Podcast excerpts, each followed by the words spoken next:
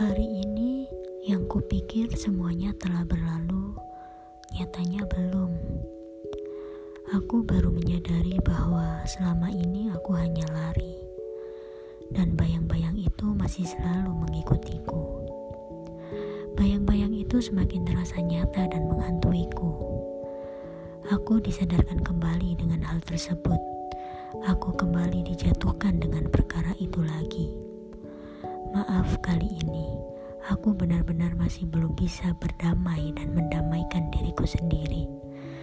Entah aku butuh berapa banyak waktu, entahlah.